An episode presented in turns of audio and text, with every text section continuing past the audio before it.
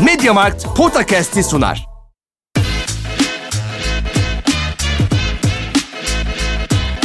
Potakast.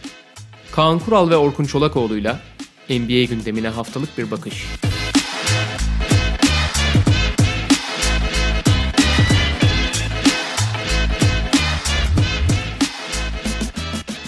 Merhaba, Media Markt'ın sunduğu Potakest'e hoş geldiniz. Kaan Kural'la birlikteyiz. Geçtiğimiz hafta Batı Konferansı'nı ve Batı Konferansı'ndaki playoff yarışını, oraya dahil takımları konuşmuştuk. Bu hafta da Doğu'ya geçeceğiz. Ağırlıklı konumuz Doğu Konferansı'ndaki yarış ve oradaki takımlar olacak bu hafta. Kaan abi hoş geldin. Hoş bulduk. Başlarken yine ufak bir duyurumuz olacak tabii. Mediamarkt'ın bu hafta şeyini konuşacağız. İkinci el piyasasındaki yarattığı rahatlığı. Özellikle akıllı telefonlar. Yani şimdi abi akıllı telefonlar da biraz otomobil gibi oldu yani. Belli bir zaman sonra değiştirmek ihtiyacı hissediyorsun. Ya da gerekiyor. Hı hı. Kadar Telefon değişik... kendi kendine gerektiriyor abi. Ee, ya da bazen hani tamamen keyif için de ya da başka ihtiyaçların oluyor. Mesela çok daha değerli kamera gibi vesaire. Ya da oyun oynamak için. Şimdi son dönemde abi mobil oyunlar çok revaçta. Hani daha oyun performansı yüksek telefon istiyorsun. Fakat değiştirirken hani eski telefonu akrabalarına falan vermek yerine hani ikinci elden satmak biraz dert abi. Yani satabilirsin. Bu arada ikinci el alan bir sürü yer de var. Böyle Mediamarkt gibi güvenli bir yere de satabiliyorsun. Ya istersen yeni telefonun fiyatından düşüyorlar. Hediye çeki alabiliyorsun. Gerçekten böyle bir ikinci el akıllı telefon hizmeti sunmuş sağ olsunlar. Aynen öyle. Yani benim mesela eskiden ben bunu birine veririm diye çekmecemde eskiyen bir telefonum olmuştu. Abi ben o yüzden... bütün kayınvalide, kayınbirader, anneanne falan gibi kişilere te- eski telefonları verdim. Şimdi ne yapacağım bilmiyorum yani birleştirirken. bir dahakine bundan bir sonrakini dahakine. diyelim. Peki konumuza geçelim o zaman. Geçelim. Dediğimiz gibi Doğu Konferansı'nı konuşacağız bu hafta. Doğu Konferansı'ndaki playoff yarışını. Yani sadece playoff'a kimler son vagonlara kapağı atar şeklinde değil Tabii ki başından başlayacağız kategori kategori takımları değerlendireceğiz ve play-in yarışı içerisinde olanları da konuşacağız ki zaten belli bir bölümüne de toprak atmıştık malum. Yeni takım var mı abi? Biz Cleveland'ı da konuşmuştuk. O yüzden hani şu anda Vallahi e, diğerlerinin de... hepsi de yarış içerisinde olduğu için yeni bir takım yok. Ha, bir tek Sacramento var belki hani toprak atılması gereken artık bence. Onu da artık haftaya yaparız. Evet. evet. Peki Tepeden başlayalım o zaman. Başlayalım. Önce şampiyonluk adayları ve buradaki zirve yarışındaki takımlar. Philadelphia yine birinci sırayı almış durumda. Brooklyn son dönemde malum sakatlık problemleri de yaşıyor. Biraz yine ufak bir ritim kaybı yaşadılar.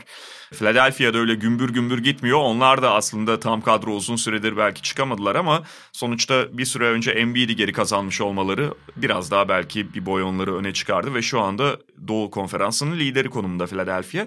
Yani liderlikten falan öte onları tabii konuşurken bu sene özellikle geçtiğimiz sezonlarla kıyaslama eğilimindeyiz. Çünkü sürekli playoff'ta hayal kırıklığı yaşatan bir takım konumundaydı Philadelphia. Bu kez playoff için daha hazır bir takım, playoff için daha iyi form alabilecek bir takım önümüzde var mı? Philadelphia için sorulması gereken soru bu gibi gözüküyor. Var abi. Yani Philadelphia bu sezon takımı kurarken hani bu zaten bu kadro oluşturduğundan da bu kadronun çekirdeğinde Ben Simmons ve Joel Embiid olduğundan beri hani bahsedilen konu ikisi de boyalı alanda oynayan ve birbirlerinin alan paylaşımını çok zorlaştıran bir ortamda şütörler etrafına konulması gerekiyor dedi. Bu dünyanın en basit formülü abi 2 artı 2 4. Nitekim Daryl Morey gelir gelmez bununla ilgili önemli hamleler de yaptı. Yani Danny Green, Seth Curry, işte Josh Richardson gibi belli açılardan çok yönlü bir oyuncu yerine Seth Curry gibi daha spesyalist bir oyuncu. Her ne kadar oyunu geçen sene üzerine çok koymuş olsa da bu hamlelerin temel amacı yani Simmons ve Embiid'e alan açacak oyuncuları etrafına yerleşmiş. Shake Milton'ın geçen sezonki çıkışını falan düşünürsek. Ki sezonda başlangıcı hatırlarsan mesela Matisse Taybul gibi olağanüstü çok yönlü bir savunmacıyı hiç kullanmıyordu Doug Rivers. Taybul formsuz olduğu için falan değil. Tamamen Simmons ve Embiid'in etrafına şütörler üzerindeki formülü kullanmış. Bu iş başarılı oldu mu dersen büyük oranda başarılı oldu ama bu Seth Curry ve Danny Green oyunu çok çok değiştirdiği için olmadı. Danny Green bildiğimiz Danny Green gibi oynuyor ki hani özellikle bu sezon biraz daha formda gözüküyor. Ama yapacakları belli Danny Green. İşin kötü yanı Seth Curry'den aslında istediklerini hiç alamıyorlar. Seth Curry sezonun önemli. Benim önümde sakattı. Olağanüstü bir şutör olmasına rağmen şut performansı bu sezon çok dalgalı, çok iyi şut attı. Çok az sayıda maç var. Fakat buradaki önemli değişim iki başka oyuncuda oldu. Birincisi Tobias Harris. Tobias Harris belki de kariyerinin en iyi sezonunu geçiriyor. Doug Rivers'la oynamak ona iyi geliyor anladığım kadarıyla. evet. Doug Rivers'la o son sezonu da öyle çok iyi geçirmişti ama daha yırtıcı. Çünkü Tobias Harris'in en önemli özelliği Tobias Harris belli şeyleri yapıp belli şeyleri mesela sola hiç gidemezdi Tobias Harris. Hani hep pardon sağa hiç gidemez. Hep soluna vurarak oynar. Ama bu sezon daha çok sağına gittiğini, daha çok kendi şutunu aradığını, çok yüksek yüzdeyle attığını, Simmons ve Embiid'in olmadığı maçlarda liderlik edebildiğini gördük. Tobias Harris'in harika bir sezon geçirdiği kesin. Takımın kurgusunun daha uygun olduğu kesin. Ama hani bu sezon Philadelphia'nın daha gerçekçi bir şampiyonluk adayı, doğu birincisi olmasında bir tane sebep var abi. Yani hani bu tartışılmaz. Abi Joel Embiid eskiden yani geçen seneye kadar da çok çok çok değerli bir oyuncu olduğuna şüphe yok. Ama bu sezon bambaşka bir oyun oynuyor. Yani bu sezon eğer oynanan maç sayısından bağımsız konuşursak arada çünkü bir sakatlık döneminde de maç kaçırdı ki arada da kaçırmıştı. Abi bence yani hatırlayacaksın senle sezonu değerlendirmesi yaptığımız zaman Nikola yok işte birlikte herkesin bir adım önünde aralarındaki seçimde de Cihalenbi çok az farklı önde gösteriyorduk. Yani ligin en iyi oyuncusuna dönüşmüştü.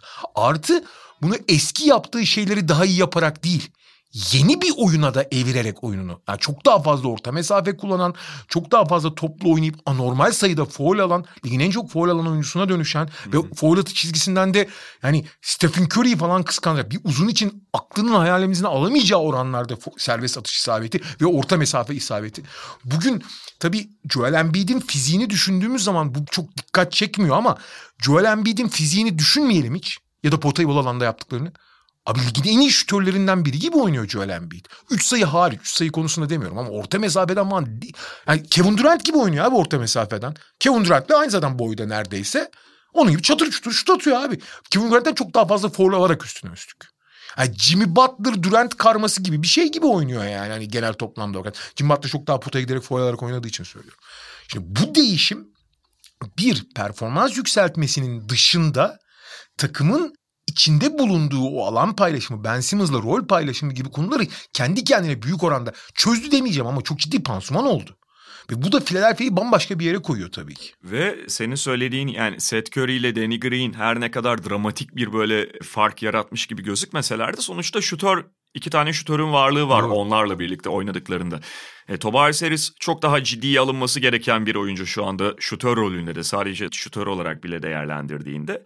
Bench'ten de biraz daha fazla destek getiriyorlar çünkü bu takımın bench'i çok büyük bir problemiydi. Doğru. Yani şahane bir bench henüz değil belki ama eskiye göre çok daha rolleri belirgin ve kenardan destek verebilen bir bench var şu anda Sixers'ta. Dolayısıyla bence de yani playoff için çok daha hazır bir takım son, söz konusu. Son dönemde yani takımın ona güveni olduğu kadar kendi özgüveni de artmış bir Furkan da Net. katkı verebiliyor. Yani Shake Milton zaten çok yırtıcı bir skorer. Her ne kadar bazen istikrar konusunda çok problemli olsa da. E, Matisse Tybal tamam belki ondan daha istikrarlı ceza şutu katkısı evet istiyorlar ama mesela en azından onu atarken... Da yapsa, onu da yapsa Real Madrid oynar abi. Öyle ve atarken en azından tereddüt etmiyor artık. Yani bu tereddütsüzlük direkt şut yüzdesine yansımasa da daha rahat olduğunu hissedebiliyorsun Matisse Sorun. Kaçırmaya devam ediyor ama en takmıyor artık. Tabii tabii.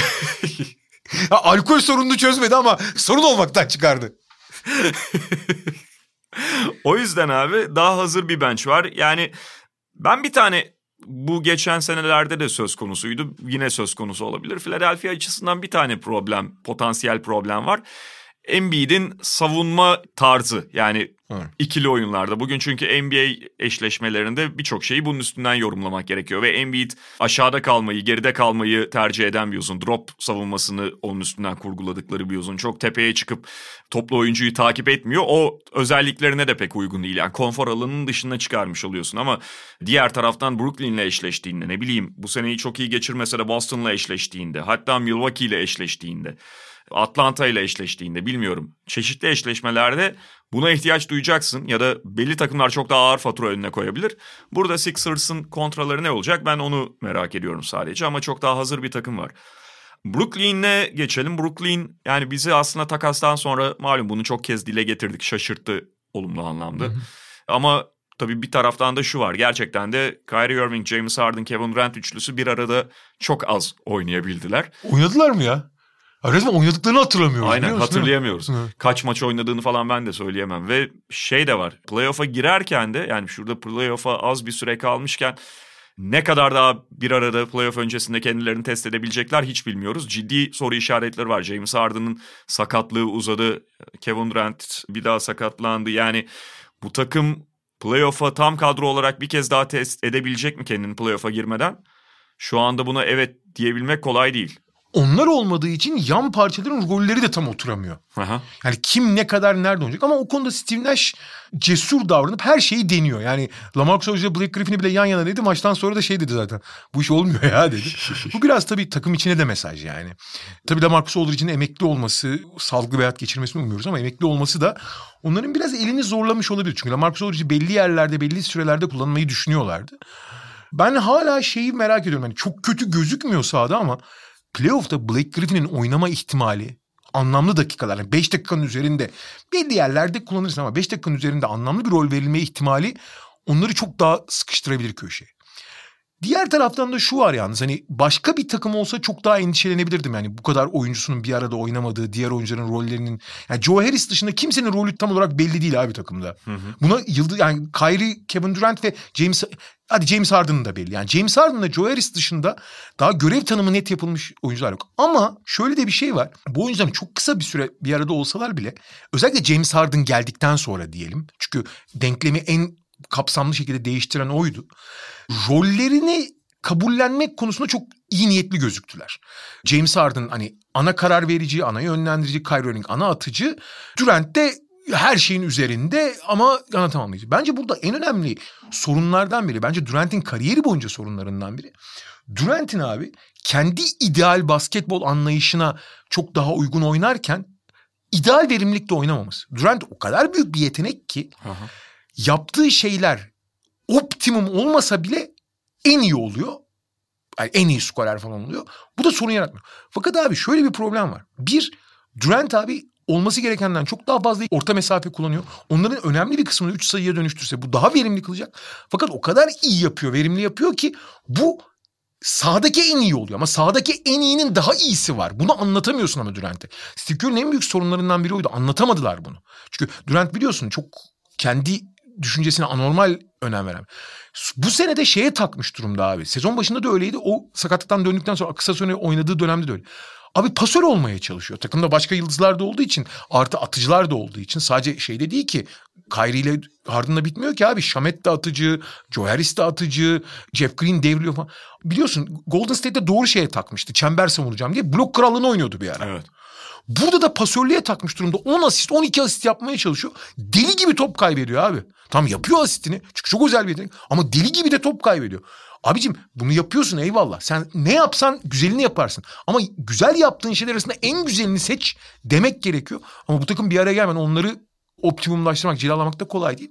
Ama ne olursa olsun en azından niyet olarak bu oyuncuların birbirinin ayağına basmayacağını ne teknik olarak ne zihinsel ego olarak birbirine basmayacaklarını biliyoruz. Ama bunu sahada performans olarak görmek lazım. Ve, ve şunu da eklemek lazım. Yani bu süre içerisinde bu kadar fazla yıldızların yaşadığı sakatlık olunca biraz daha belki bu durumda öne çıktı. Gerçekten çok geniş bir yan rol oyuncusu grubu var takımda. Onların ee, arasından seçmek çok önemli olacak yalnız. Evet ama bu çeşitlilik güzel ve yani şimdi mesela sezona kötü başlayan Landry Shamet sezon başında hiç faktör olamayan Landry Shamet dahil oldu grubun içerisine. Bruce Brown zaten öyle. Bruce Brown'a hatta bir rol de buldular işte kısa uzun Bruce Brown. E Jeff Green zaten gayet iyi bir sezon geçiriyor yani. Bruce e, Brown şey dedi. Yok hiç bir oynuyorsa ben de beş oynarım dedi. Öyle. E Jeff Green zaten kısa beş rolünü çok iyi oynayabiliyor ya da dört numara oynayabiliyor. Sakatlık dönüşü Nicholas Claxton'dan özellikle savunmada iyi katkı alıyorlardı. O sahip olmadıkları bir uzun tipi. Yani DeAndre Jordan da farklı tipte uzun tipi. Çok ideal olmayabilir ama belli eşleşmelerde. Geçen hafta konuşuyorduk mesela.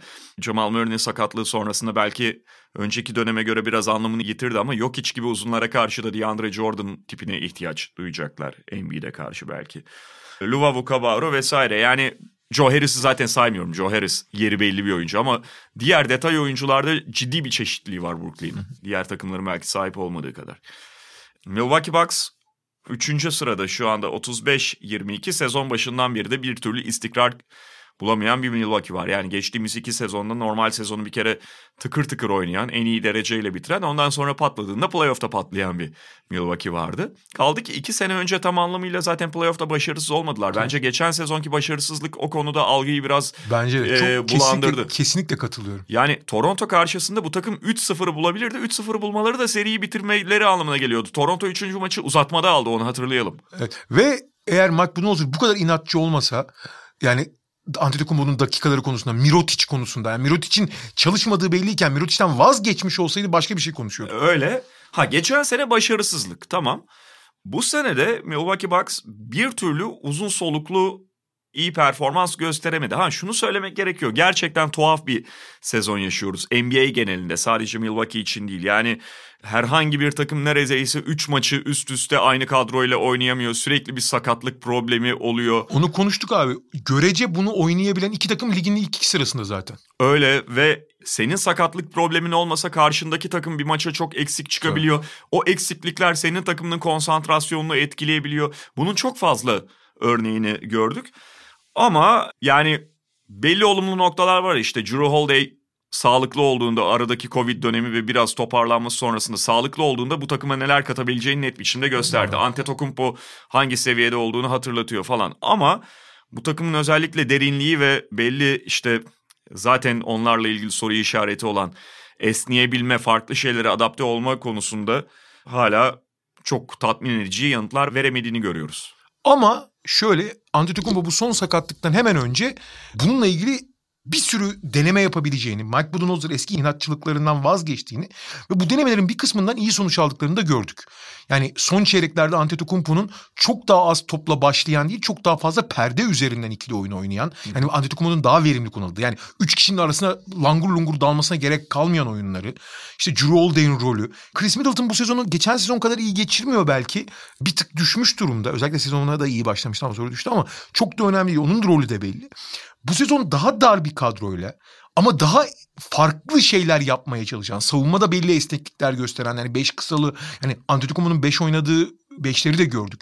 Birçok şey denemeye çalışan ve geçtiğimiz yıl normal sezondaki başarı formüllerinden çok ödün verip Tam tersine playoff'ta onları başarısızlık kılan işte A planı dışında bir şey üretememenin çok daha üzerine gittiklerini görüyoruz. Ama sonuçlarını göremedik bunun işte yeterince. Yeterince göremedik yani.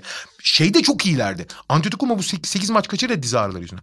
Ondan önce çok iyi bir noktaya gelmiştim Milwaukee. Hatta ben o tam o sırada son sakatlıktan önce abi galiba Milwaukee benim için şu anda doğudaki bir numaralı takım haline gelmiş olabilir diyordum. Yani şimdi Brooklyn ve Philadelphia'nın tavanları daha yüksek belki. Ama o anki oynanan oyunda Milwaukee onlardan geri kalan hatta yarım adım önde bilgi gibi gelebiliyordu. Ama üç takım içinde aslında biraz daha doğrusu bütün NBA için bunu söyleyebiliriz. Yani playoff'a nasıl girecekleri çok önemli olacak. Ama ben Milwaukee, Philadelphia veya Brooklyn'in altına koyuyorum. Bunların ne? Bir de bu üç takımın birbirinden son derece farklı şeylere sahip olması. İşte Brooklyn hani savunma konusunda çok ciddi problemli. Ve Black Griffin DeAndre Jordan olduğu sürece her zaman problemli olacaklar. Ama tarihin gördüğü en büyük hücum potansiyeline sahip belki de. Philadelphia'nın zaten anlattık. Hani bu üç takımın farklı farklı şeyler yapıyor olması, farklı farklı oyuncular üzerinden kurgulanıyor olması o dönem kimin daha formda olduğu, kimin daha yapabildiklerini uygula, uygulayan göstermesi açısından bütün lig için geçerli ama Doğu yarış için en belirleyici şey olacak gibi. Ve dört New York Knicks. Şimdi bu üçlü ayrıldı zaten. Hı hı. Şimdi bundan sonraki bölüme geçiyoruz. Şu anda bir dördüncülük yarışı var. Yani şöyle diyebiliriz. New York Knicks zaten şu anda dördüncü sırada. Dün gece oynadıkları Atlanta Hawks beşinci sırada yarım maç arkalarında. Boston Celtics altı ve yedi Miami Heat. Bu dört takım arasında bir grup oluştuğunu söyleyebiliriz. New York Knicks de üst üste sekiz maç kazandı ve bu, bu arkalardan gelip bir anda dördüncülüğe yükseldi. Bu dörtlüden iki tanesinin burada olması çok sürpriz değil. İki tanesininki biraz sürpriz. Öyle yani Boston Celtics ve Miami Heat'in hatta daha yukarıda. Doğru. Yani bu takımlardan aslında en azından kopmuş olmasını bekliyorduk ama malum istikrarsız sezonlar geçiriyorlar ve zaten şu anda onlar 6-7. Atlanta Nate McMillan formülüyle. Nate abi formülüyle. Nate abi formülüyle ciddi bir çıkış yakalamıştı.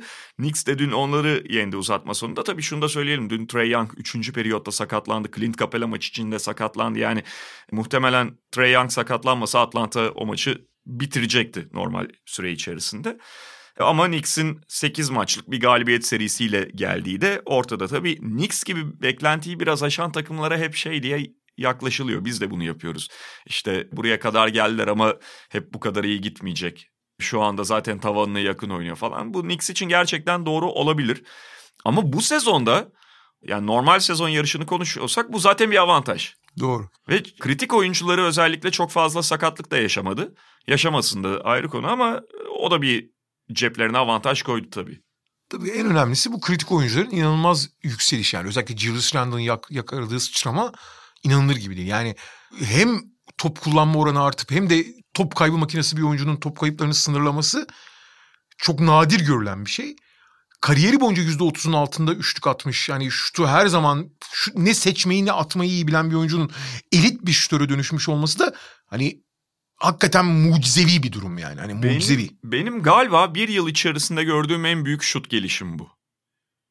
Yani Lonzo Birkaç Ball, yıl değil bir yıl. Evet yani Lonzo Ball'un tabii geçmişi çok da, Randall'dan daha az olduğu için belki o kadar etkileyici olmayabilir.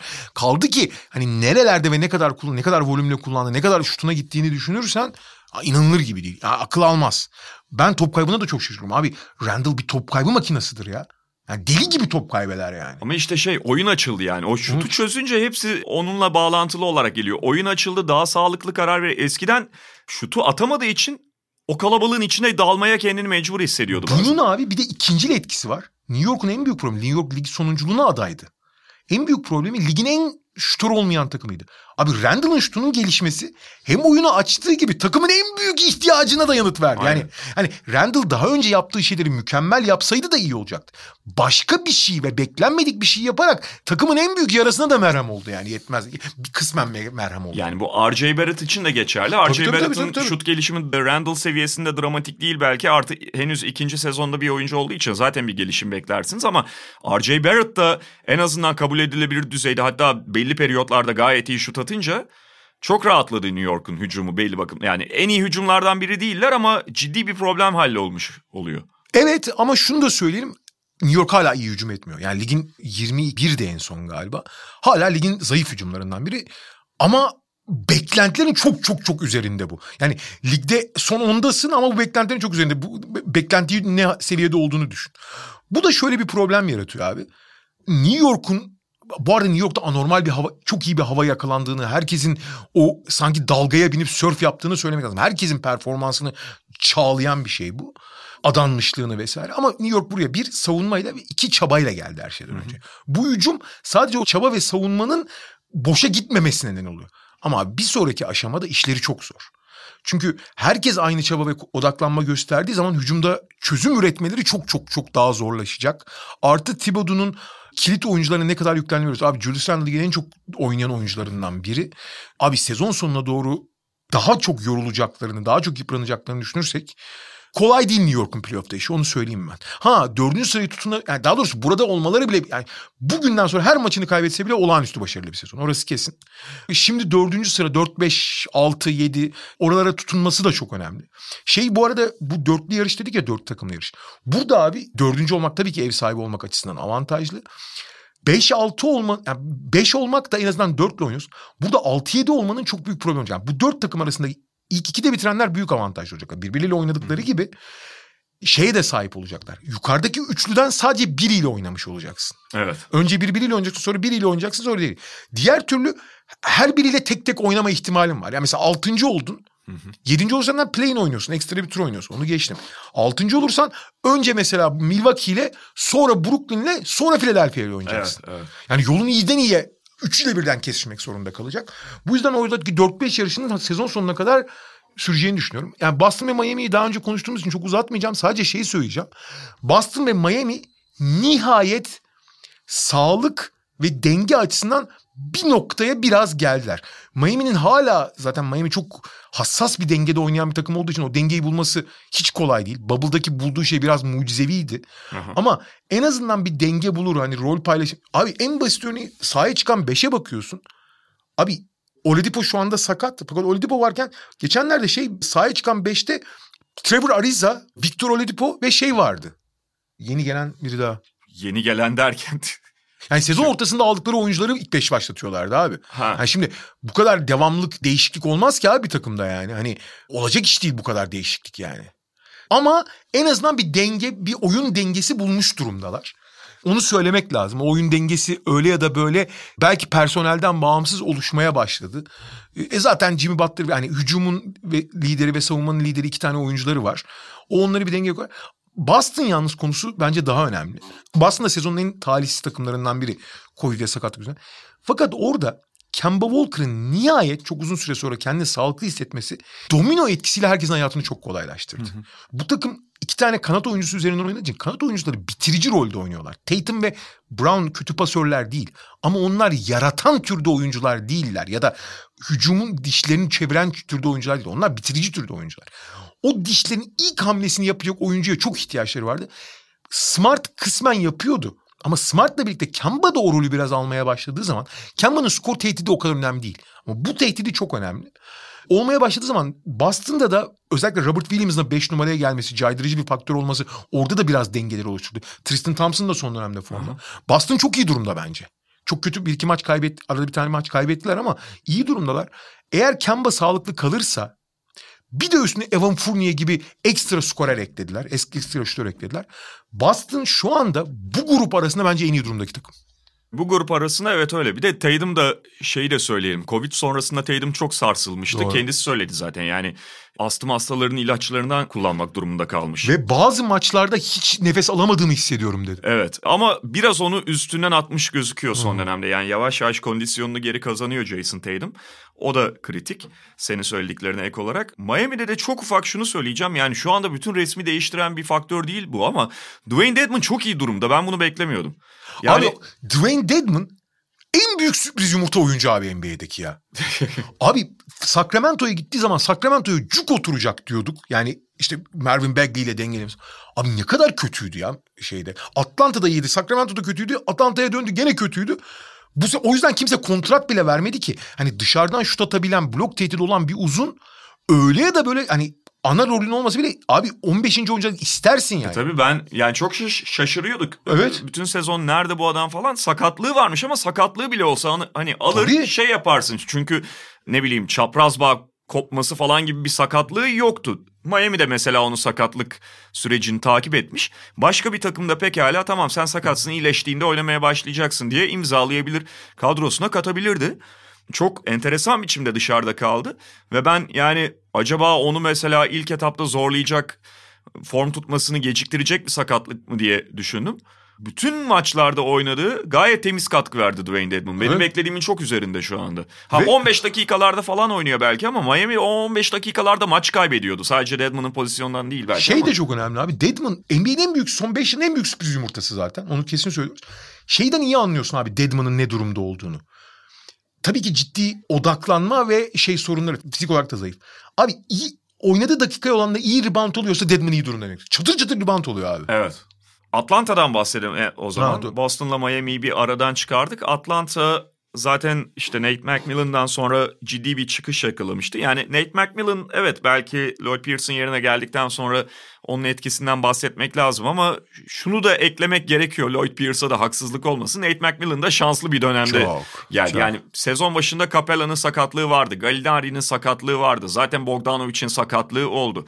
Şu anda mesela son dönemin Atlanta'da taşıyıcı oyuncularından biri Bogdanovic. Evet. Sakatlıktan döndü ama sakatlıktan dönüş sonrasında form tutması da belli bir süre aldı. Son dönemde taşıyıcı oyunculardan biri Bogdanovic. Bir diğeri Clint Capela. Tabii. Bütün bunlar Nate McMillan dönemine tam olarak yansıdığı için bu anlamda ciddi bir şansı var ve hem Capela'nın ciddi anlamda form tutması hem Bogdanovic'in sakatlık dönüşü form tutmasıyla birlikte o zaman işte taşlar tam olarak oturdu. Onun öncesinde çok fazla hücum Trey Young'ın omuzlarına kalıyordu. Trey Young öyle bir yük altında çok fazla saçmalayabiliyordu.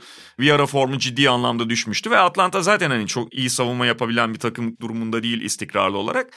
Geçtiğimiz senelerde kimliğinden de çok uzun uzak değildi Atlanta. Şimdi gerçekten sağlam hani daha böyle dengeli bir takım hüviyetine büründüler. Hücum anlamında öyle. Savunmada Capella tabii ki Capella gibi bir bekçin olduğu zaman arkada yani Gober Light diyebilirsin ona neredeyse. Pek çok şey kolaylaşıyor. Yazık ki onların en önemli dış savunmacısı olan ve gerçekten büyük çıkış yakalayan DeAndre Hunter'la Capella'yı yan yana kullanmak. DeAndre Hunter hala yok. Aha. O olduğu zaman bu takım çok daha dengeli olacak. Ama Capella'nın savunması sayesinde savunma belli bir yere gelince ikinci büyük problem dönüyoruz. O da Trey Young dışında takımın yaratıcı, üretici oyuncusu olmaması Trey Young kenardayken felç olması. Hani Bogdanovic ikincili oyun kurucu olarak ikincil yaratıcı olarak şeyin yanına eklendiğinde Trey Young'ın hem onu dengeledi hem onun yokluğunda da çok iyi iş yaptı. Taşıyıcı konuma geçti. Artı Galinari'de sıkışan hücumda çözüm üreten oyuncu.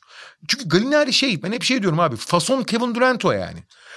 Durant'in yaptıklarını daha alt seviyede yapıyor. Yani herkesin üzerinden şut atabiliyor, foul alıyor, bir şey yapıyor. Yani yapıyor. Şimdi bunlar artı değer kattığı gibi takımın eksiği olan şeylerdi.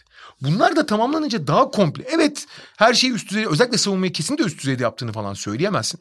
Ama eksikleri kapandığı zaman bu oyuncuların yeteneklerini performansa dönüştürdüğünü gördüğüm bir senaryo oluştu. Kaldı ki bu takımın en yüksek profilli oyuncularından biri olan John Collins de hem iyi bir sezon geçirmiyor hem de geçtiğimiz günlerde bileğini burktuktan sonra hiç kendini de bulamadı daha. Evet. Ama ona ihtiyaç da kalmadı yani bu arada. Evet. E işte bench skoreri de bulmuş oldular Lou Williams'la. Aa evet. O da önemli abi. O da önemli. E, tabii. Yani Trey Young'ın olmadığı yerde sadece Bogdanovic'e de kalmıyorsun. Evet bu 4-5-6-7 grubunu konuştuk. Şimdi bundan sonraki grup da playoff'ta yer alma grubu. Yani hem 8. sırayı alma hem play-in içerisinde yer alma anlamında. Şu an itibarıyla 8 Charlotte, 28-29, 9 Indiana Pacers. Onlar da Charlotte'ın bir buçuk maç gerisinde. 10 Washington ciddi bir çıkış içerisindeler. Onlar da kaç üste. maç kazandı? 6 maç 6. oldu üst üste Washington galibiyet. Hı. Ve zaten şu anda 10. sıradalar. Toronto'da buradan kopmadı. Onlar da üst üste 4 maç kazandı. Kopmaya zaten. çalıştılar beceremediler. Olmadı evet yani Watanabe ile bilmem neyle. Cilis Ken Birch'le 25-34'te şu anda 11. sırada ve 10. sıradaki Washington'ın sadece yarım maç gerisinde Toronto Raptors. Chicago'da Toronto'nun yarım maç ve 10. Washington'ın bir maç gerisinde. Chicago şu anda yani Chicago sorsan istiyor da bilmiyorum ne olacak. Arada çok enteresan bir Boston maçı kazandılar. Evet, Zach Lavin de yokken ama bu takım yani o maçta mesela enteresan hani orada Chicago savunma yaptıdan ziyade belki Boston Celtics kötü hücum etti demek lazım. Çünkü Chicago açıkçası savunma yapamıyor. Yapamıyor. Ve en büyük dertleri de bu zaten. Üstelik şu sıra işte Zach Lavin'in yokluğu. Takım zaten sezon başından beri çok istikrarsız. Vucevic sonrasında da hiçbir ritim, ufak şöyle minik bir periyot bile yakalayamadılar. Ha resimde hala yer alıyorlar. Hala bir ihtimal var ama gidişat pek parlak gözükmüyor. Onlar aşağı doğru gidiyor. Sen özetledin zaten Chicago'yu Zach Lavin geldikten sonra hala bir özellikle bir denge bulurlarsa biraz birbirine alışırlarsa. Çünkü Lavin Vucevic iyi bir kombinasyon yani birbirini tamamlayan bir kombinasyon ama onları iyiydi de çevreleri kötüydü gibi bir durum var. Artık savunmaları da kötüydü. Ayrı konu. Lavin bu sezon savunmada ilerleme kaydetmiş olsa da takım olarak çok problemliler. Ve Chicago'nun gidişatı aşağıya. Şimdi fakat yukarıda şimdi Charlotte, Indiana, Toronto, Washington. Toronto, Washington. Hı hı. Şimdi bu takımlar arasından biri playoff'a girecek, dört tanesi şeye girecek. Play'ine. Daha doğrusu pardon özür dilerim. Hepsi. E, hepsi, hepsi play'ine girecek. Evet. Bir tanesi play'in dışında kalacak. Yani direkt sezonu kapatacak. Ki Toronto oraya aday gibiydi şeyle. Fakat hem ellerindeki malzeme yeterince çok iyi hem de artık iyileştikten sonra bu, zaten burada olmasını an, anlamsızdı Toronto. Toronto'nun daha yukarılarda olması gerekiyor. Hı hı. Nitekim eğer gerçekten isterse Toronto'nun bu grup içinde kalma ihtimali çok yüksek. Dün Chris Boucher sakatlandı. Sakatlığının tam ne olduğunu bilmiyoruz ama Chris Boucher önemli. Onu kaybederlerse işleri zorlaşabilir ama göreceğiz. Sessiz sedası bu arada Toronto demişken onlar Ken Birch'le çok ciddi bir takviye yaptılar. Yani, Sezon boyunca aradıkları oyuncu. Aynen yani tabii ki Ken Birch uzun vadeli çok böyle Toronto'nun eksiğini tamamen ilk beş pivotu olacak bir oyuncu değil ama bu sezon için eksiklerini en büyük eksiklerini tamamlamış oldular Ken Birch'le. Ve son dönemde daha iyi, daha sağlıklı, daha özgüvenli gözüken Pascal Siakam. Geri dönen OG Anunoby ve işte Fred Van Vliet'le şeyle Hı-hı. abi bu takım geçen sene Doğu finalinin kıyısından dönmüş takım aslında nüve olarak. Evet. Sadece işte o 5 numaraya Ken Burch gibi bir oyuncu arıyorlardı. E Chris Boucher'in çıkışını falan düşünürsen yine yan parçalar bunlar. E Gary Trent Jr. eklemesinde Gary Trent Jr. da çok iyi oturmuş gibi gözüküyor. Bu takım bunların arasında eğer istiyorsa, eğer playoff oynamaya karar verirse hepsinden çok daha iddialı. Orası kesin. Yani bu, bu sezon ne yaşanmış olursa olsun şu güne kadar. Diğerleri arasındaki yarışta Charlotte, Indiana, Washington üçlüsünden ben Toronto istediği sürece buraya girecek diyorum. Onu söyleyeyim bir kere. Ve girdikten sonra da çok tehlikeli olacak. Toronto çünkü hani kapasitesi var. Ken Burch de en büyük boşlukta doldu demeyelim ama yamandı. Olabilir. Diğer takımlar arasında kim dışarıda kalacak sorusu çok önemli. Washington çünkü ciddi bir ivmeyle geliyor. Ama Washington'ın bir günü bir gününü tutmadığı için Scott Brooks gibi bir koça sahip olduğu için her an tepe taklak düşmesi de mümkün. Ve açıkçası bu yarışta biraz da daha geride kaldı. İki maç gerisinde çünkü Indiana'nın. Toronto ile kafa kafaya. Bence biraz Toronto ne olursa olsun e, maç sayısı da azaldı artık. 15 maç falan kaldı. Eğer Charlotte ve Indiana'da çok iyi bir düşüş olmazsa ki Charlotte'ın yaşadığı sakatlıkları düşünürsen Charlotte da zaten dar kadroda ne sakatlıklar yaşadı? Malik Monk yok. Lamelo Ball yok. Rozier iki maç kaçırdı. Devante Graham maç kaçırdı. PJ Washington kaç tane maç kaçırdı arada. Yani bütün bu sakatlıklara rağmen hala buralara tutunmayı başardıysa çok güzel bir denge bulmuş durumdalar. Çok yüksek tempoda oynayıp o yüksek tempodan çok besleniyorlar. Miles Bridges acayip bir aşama kaydetmiş durumda. Takımın genel anlı Terry Rozier harika bir sezon geçiriyor. Maç sonunu müthiş oynuyor. Abi bugün sene Damian Lillard olmasaydı eğer ligde biz Terry Rozier'in nasıl müthiş bir maç sonu oyuncusu olduğunu kan konuşacaktık muhtemelen. Hı. Ama Lillard bütün o ünvanları aldığı için kalmadı. Ama Terry Rozier de mesela müthiş bir maç sonu oyunu. E zaten çok istekli, çok aç, çok başarıya aç bir takımlar. Bence onlar yukarıda kalırlar. Lamelo da dönecek zaten. Bir 3-4 güne kadar dönecek. E Indiana ne olursa olsun bunlardan daha iyi. Onlar da iyi bir sezon geçirmedikleri kesin. Ama çok dengeli, çok ne yaptığını bilen, kazanmayı bilen, görece daha geniş bir kadroya Karis LeVert'ün de iyice ısınmasıyla geniş bir kadroya sahip. Oradaki tek problem Miles Turner. Tam döndü dener, denirken tekrar sakatlandı. Evet. Ne zaman döneceği tekrar belli değil. Ama e, Bitadze'nin de biraz devreye girmesinden sonra ben Indiana'nın da orada kalacağını düşünüyorum. Yani Indiana ile ilgili işte iki tane problem var abi. Birincisi gerçekten ne zaman tam anlamıyla sağlıklı olabilecekler. Çünkü mesela şu anda şey Brissett falan oynuyor takımda Doğru. ilk beşte. Ve çatır çatır oynuyor çocuk abi. Oyun doğru kontrat da aldı. Ve bir diğer konu da yani sağlıklıyken de Indiana gerçekten bu sezonun en istikrarsız takımlarından biri. Hatta bu arada iyi başlamışlardı sonra çok dağıldılar. Ve haberler de Koç Björkgren'la oyuncular arasında bir mesafe açıldığına yönelik. Yani ne kadar doğruluğu var biraz belli şeyler abartılıyor mu bilmiyorum ama bu da sonuçta olumlu bir işaret değil. Ama ne olursa olsun yani Washington ve Toronto yarışında ve hatta Charlotte'la yani yarıştıkları takımlarla ilgili söylüyorum. Abi hepsinden daha fazla güvenirsin Indiana'ya ne olursa olsun. Normalde öyle. Evet. Yani evet. ama şimdi hani Levert gibi bir skorer yaratıcı, Brogdon gibi bir ana karar verici olduğu sürece e Sabonis bence bu sezon çok çok iyi bir sezon geçirmiyor ama ne olursa olsun belli şeyleri çok iyi yapan bir oyuncu. O da hani hafif sakatlığı vardı. Oynadığı sürece bir seviye daha iyiler aslında. Ee, ama işte Miles Turner eğer bu sakatlık çok daha uzayacaksa veya bir iki problem daha yaşarlarsa çok tökezlemeye de namzetler onu da söyleyelim. Ama ben diğer takımların hepsinden daha fazla güvenirim. Tam kadro Charlotte hariç. Tam kadro Charlotte hakikaten çok acayip bir denge, rol paylaşımı, dinamizm çok dinamik oynuyor bir kere. Yani genel yüksek tempolu oynayan savunmada da çok dinamikler. Çok iyi bir savunma takımı olabilir ama o dinamizme ulaşamazsan çok çok şey yıpratıyorlar seni. Güvenirim ben Indiana'ya. Bu iş gidip gelip zaten puan cetvelinde de öyle. Biraz in, yani Chicago'nun da tamamen artık yarış dışına çıkmaya başladığını düşünürsek galiba Toronto şey yarışına dönüşecek gibi. Toronto Indiana mı diyorsun? Yok Toronto Washington. Ha şey için pardon onun için, için konuştun sen. Evet. 10. Evet. Ha ondan sonra play'ine bakacağız tabii. E tabii. Bakalım yani bu yarışı zaten değerlendirmeye devam edeceğiz. Tabii son olarak ondan bahsedip kapatalım. Sakatlıklar maalesef şu sıra özellikle çok biraz biz de bahsetmiş olduk belirleyici oluyor. E bu sezonun genel hikayesi o ya zaten. Yani Covid'den, da... Covid'den hariç sakatlıklardan bahsediyoruz. Tabii ki tabii ki yani ciddi sakatlıklar işte hep de Jamal Murning'i gibi ağır uzun süreli sakatlık olması gerekmiyor ama öyle bir sezondayız ki zaten 2-3 haftalık bir sakatlık bile özellikle böyle bir yarışı çok etkileyebilir.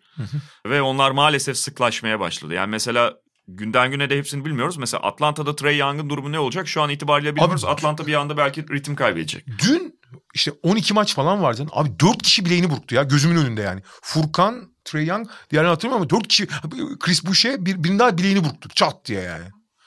O ve, burklukların ne kadar e, tehlikeli olduğunu biliyorsun. Lebron'un durumu ortada yani. Ve yani bu sakatlıkların yarattığı korkuyla birlikte hakikaten biraz daha rahat durumdaki takımlar da Utah falan iki maç üst üste aynı kadroyla çıkamıyorlar artık. Evet.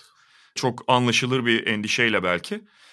Bakalım sezonun kalanını ve bu yarışın devamını nasıl etkileyecek bu sakatlıklar. Peki o zaman bugünlük bu kadar diyoruz. Haftaya tekrar görüşmek üzere. Media Markt'ın sunduğu podcast'te hoşçakalın. Hoşçakalın. Mediamarkt Podcast'i sundu.